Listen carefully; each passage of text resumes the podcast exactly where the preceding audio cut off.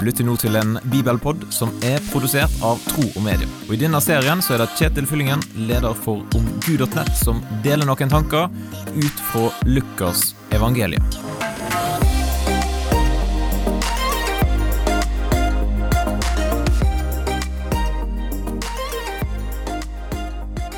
Hvor er det lurt å så? Jeg skulle tro at det var et ganske lett spørsmål. Jo, du sår jo der som det er god jord, sånn at det du sår, kan gi en god avling. Men er det litt eh, rart, da, det som jeg leser i evangeliet til Lukas, kapittel 8, vers 4 til 15, for der står det nemlig Mye folk strømmet nå til fra byene omkring. Da en stor mengde hadde samlet seg om han, fortalte han en lignelse. En såmann gikk ut for å så kornet sitt, og da han sådde, falt noe ved veien. Det ble tråkket ned, og fuglene under himmelen kom og spiste det opp. Noe falt på steingrunn, og det visnet straks det kom opp, fordi det ikke fikk hvete. Noe falt blant tornebusker, og tornebuskene vokste opp sammen med det og kvalte det.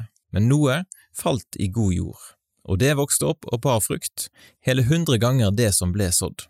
Da han hadde sagt dette, ropte han ut, Den som har øre å høre med, hør. Disiplene spurte han hva denne lignelsen betydde, og han svarte, Dere er det gitt å kjenne Guds rikets hemmeligheter, men de andre får det i lignelser, for at de skal se, men ikke se, og høre, men ikke forstå. Dette er meningen med lignelsen. Såkornet er Guds ord. De ved veien er de som hører det, men så kommer djevelen og tar ordet bort fra hjertet deres, for at de ikke skal tro og bli frelst. De på steingrunn er de som tar imot ordet med glede når de hører det, men de har ingen rot, de tror bare en tid, og når de blir satt på prøve, faller de fra. Det som falt blant tornebusker, er de som nok hører ordet, men som på veien gjennom livet kveles av bekymringer, rikdom og nytelser, så de ikke bærer fullmoden frukt. Men det i den gode jorden, det er de som hører ordet og tar vare på det i et fint og godt hjerte, så de er utholdende og bærer frukt. Hva tenker du når du hører denne lignelsen? Jeg har alltid syntes at det er litt forunderlig at denne bonden her er så slepphendt når han sår ut kornet sitt. Hvorfor lar han så masse havne på feil plass, ikke i den gode jorda? Nå er det jo en lignelse, så det er ikke sikkert at dette er poenget Jesus vil ha fram, og han sier jo ikke noe om det når han forklarer for disiplene. Men jeg har tenkt at det kan passe med vår erfaring. Når vi prøver å formidle ut Guds ord på forskjellige måter, da veit en aldri helt hva som lander i god jord, og hva som gir resultat. Vårt oppdrag er å så ut ordet, om det så er fra en talerstol, en podkast eller i en samtale med en venn.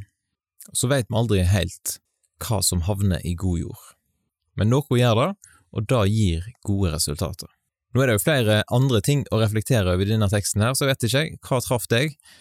Du er velkommen til å dele dine tanker med meg. Du kan for eksempel sende en e-post til kjetil.troogmedier.no hvis du har lyst til å sende inn en liten respons til meg, eller du kan ta kontakt via sosiale medier. Da ønsker jeg deg en fin dag, og så poddes vi plutselig igjen. Takk for at du lytter gjennom denne bibelpodden, og vil du gi en tilbakemelding på det som du hørte, eller vil du lære mer om kristen tro, da kan du gå til nettsida omgud.nett, eller du kan sende en e-post til kjetil.troogmedia.no.